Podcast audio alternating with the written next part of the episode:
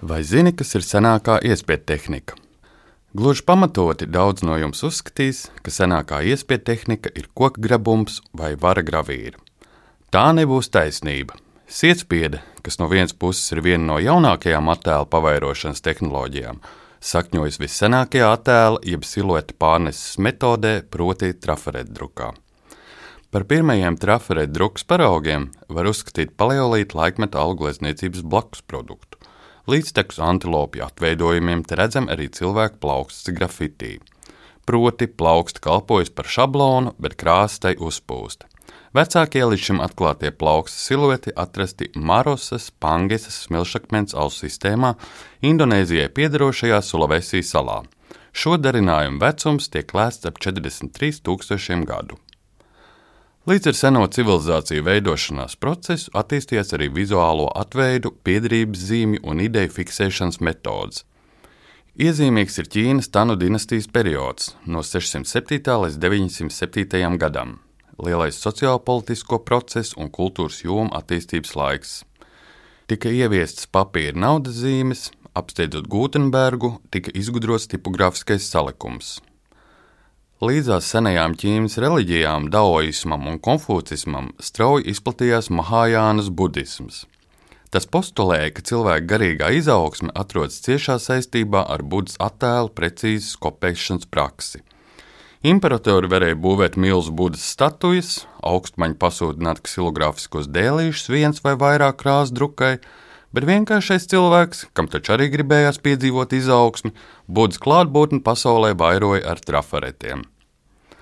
Tiek uzskatīts, ka tieši Ķīnā izgudros trafaretes sietas. Te gan būtu jāuzsver, ka šī sieta, drīzāk jau tīkla tehnoloģiskā ideja, bija atšķirīga no šodienas zināmās sietspiedas.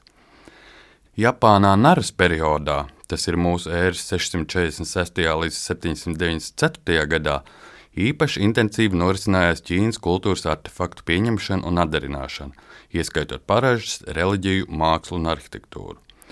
Arī 48. Japānas valdniece Setoku nonāca budismu ideju varā.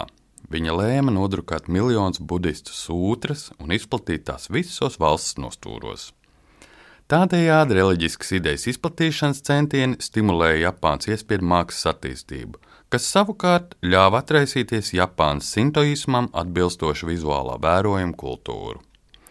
Pēc 265 gadu ilga izolacionisma Japāna ar plašu mākslas un arhitektūras ekspozīciju 1867. gadā piedalījās Parīzes starptautiskajā izstādē. Rietumu sabiedrībai radās iespēja iepazīties ar Japānā gadsimtu garumā uzkrāto pieredzi iespēju mākslās. Eksplozīvu iespaidu Japānas māksla, jo īpaši ukijo-e ksilogrāfijas tehnikā radītie darbi, atstāja uz postimpresionismu gleznotājiem, tā skaitā Vincentu Van Gogu. Taču, ja atgriežamies pie sietspiedas rašanās laika, vēl bija jāsummējas vairākiem apstākļiem un inovācijām.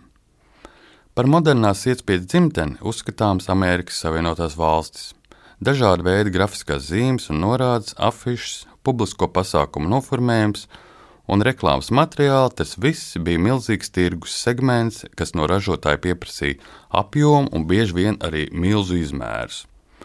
1907. gadā Samuels Simons no Manchesteras, Anglijā, patentē pirmo sietspiedas tehnoloģiju, kurā traferets drukā caur zīdu marli pārvilktā rāmī. Tomēr īsts komerciāls panākums sietspiedi piedzīvo ASV, Afišas, kurā galveno apjomu veidoja teksts, visbiežāk tika drukāts vienā vai divās krāsās. Kā ārkārtīgi lēta metode, liela formāta sietspiedas druka derēja svētku noformējumam, vēlēšana aģitācijai un reklāmas baneriem. Uz mirkli iztēlosimies eklektisko Ohenriju pasauli. Amerikas vizuālo ietērpu te neapšaubām veidoja sietspiedas darbnīcu masu produkciju. Gluži likumsakarīgi, ka straujās iespējas tehnisko paņēmienu attīstība vien pārdesmit gadu laikā, kā arī līdz šim iespēju mākslās nepazīta tonālā izteiksmība, mēdījām piesaistīja arī tīrās mākslas pārstāvjus. Pateicoties Ņujorkas municipālās projektu pārvaldes darbinieka Antonija Velonisa centieniem, sietspiedu kā mākslas žanrs tika uzņemts grafikas nodaļas eksperimentālajā apakšsekcijā. Jau 1942. gadā sietspiedi kļuva par populārāko grafikas mēdīju ASV, lai gan lielie notikumi un lielie vārdi bija vēl tikai priekšā. Ikona par ikonu. Tā nereti dēvē Endija Vorhola 1962. gadā darināto Merilinas Monroe diptihu. Līdz ar citiem papārta perioda māksliniekiem Robertu Raušenbergu, Roju Lichtensteinu un Hariju Gotlību sietspiedu mūsu pasaulē ir ienesusi vairāk krāsas un dzīves prieku.